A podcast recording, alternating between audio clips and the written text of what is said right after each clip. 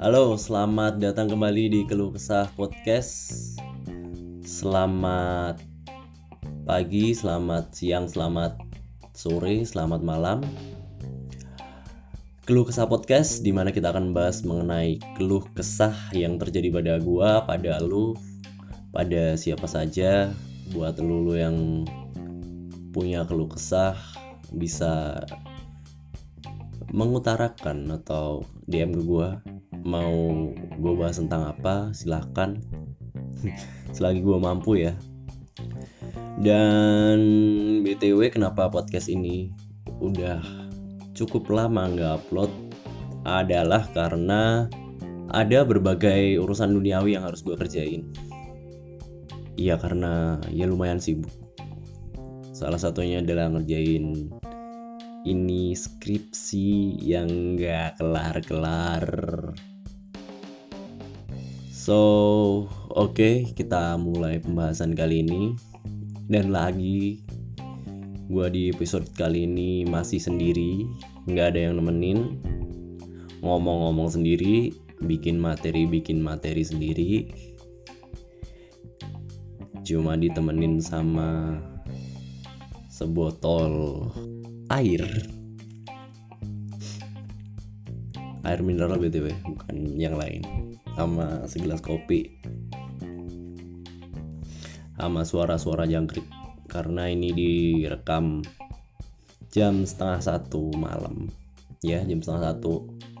Soalnya gue lagi ngerjain skripsi dan udah stuck. Ya udah bingung mau mau ngapain. Dan akhirnya menyempatkan waktu untuk merekam ini podcast.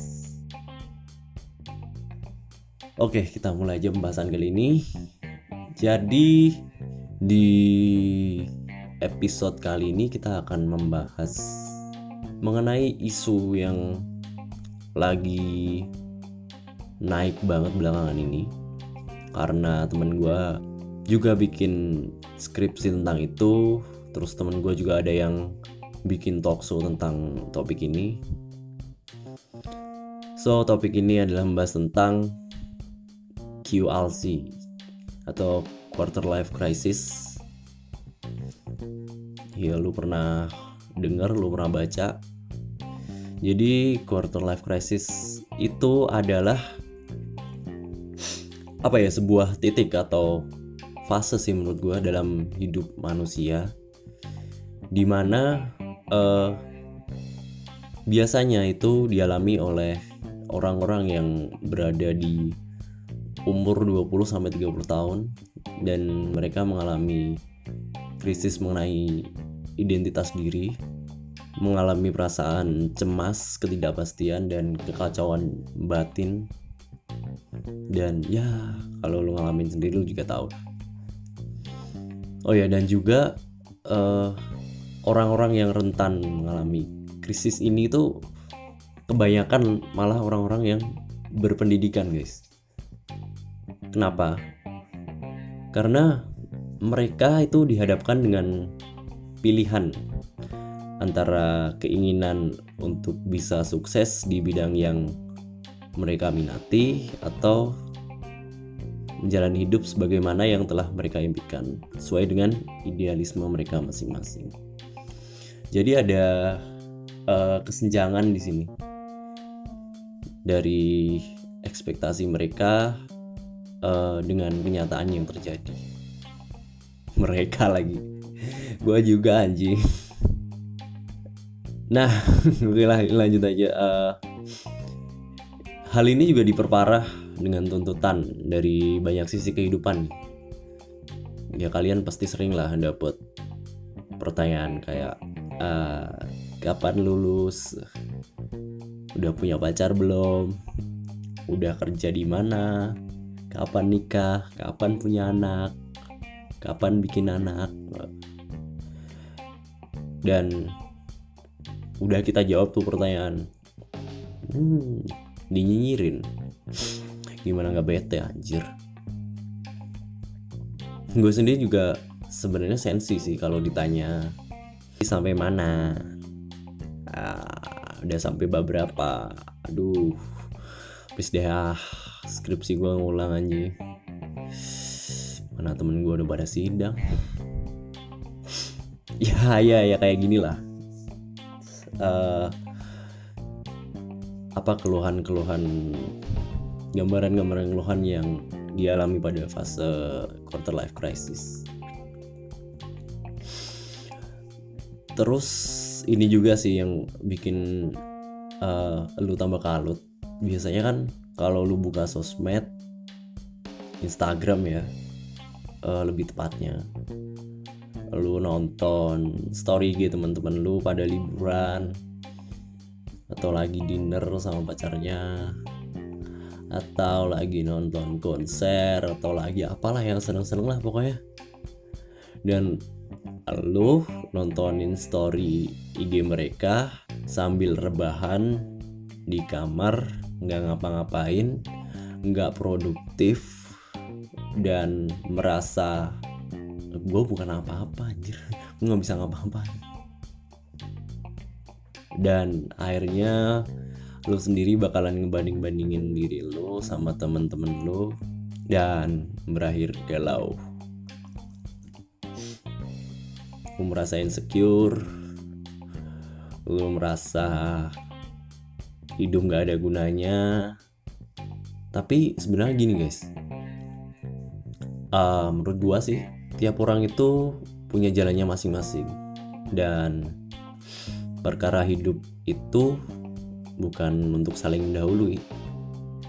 Jadi sebenarnya lu nggak bisa banding banding banding bandingin diri lu sama orang lain uh, coba deh sekarang kita pikir.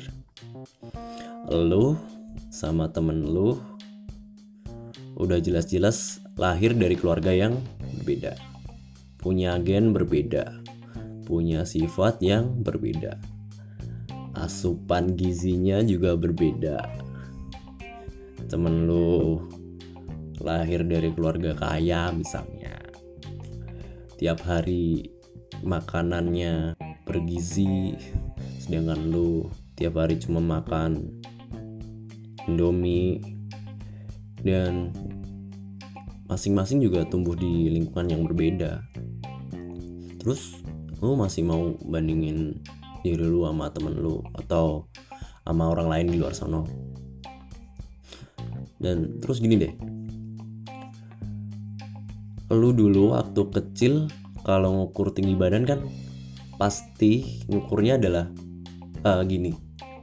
Lu waktu kelas 3 ya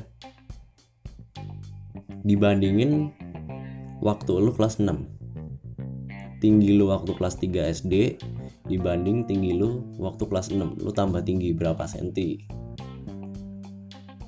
Ya kan? Perbandingannya di situ adalah lu yang sekarang dibandingkan lu yang dulu bukan dibandingin sama temen lu. Nah itu sama juga kayak hidup. Logikanya gitu. Terus gimana sih bang cara menyikapinya?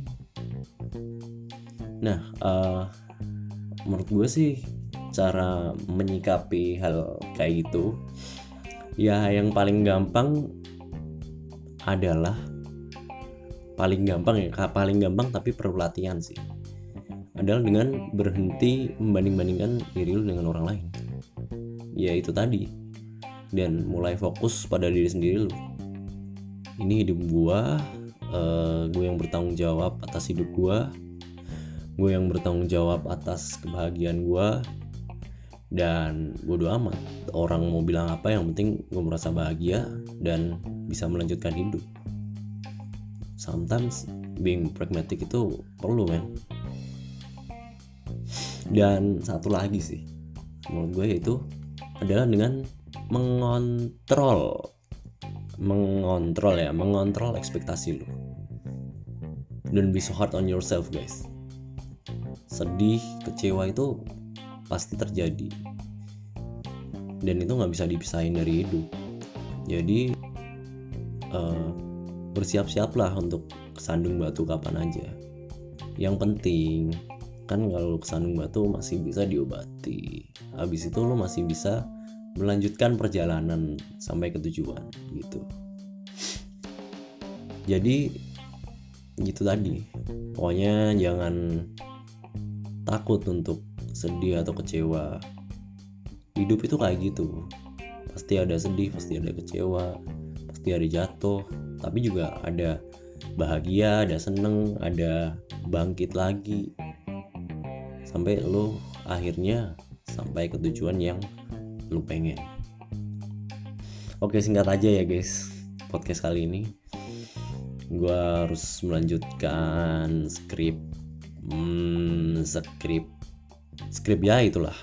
Hmm. pokoknya jangan lupa bahagia guys.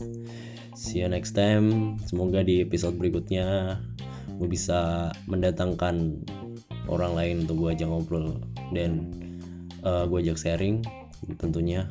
Oke okay, bye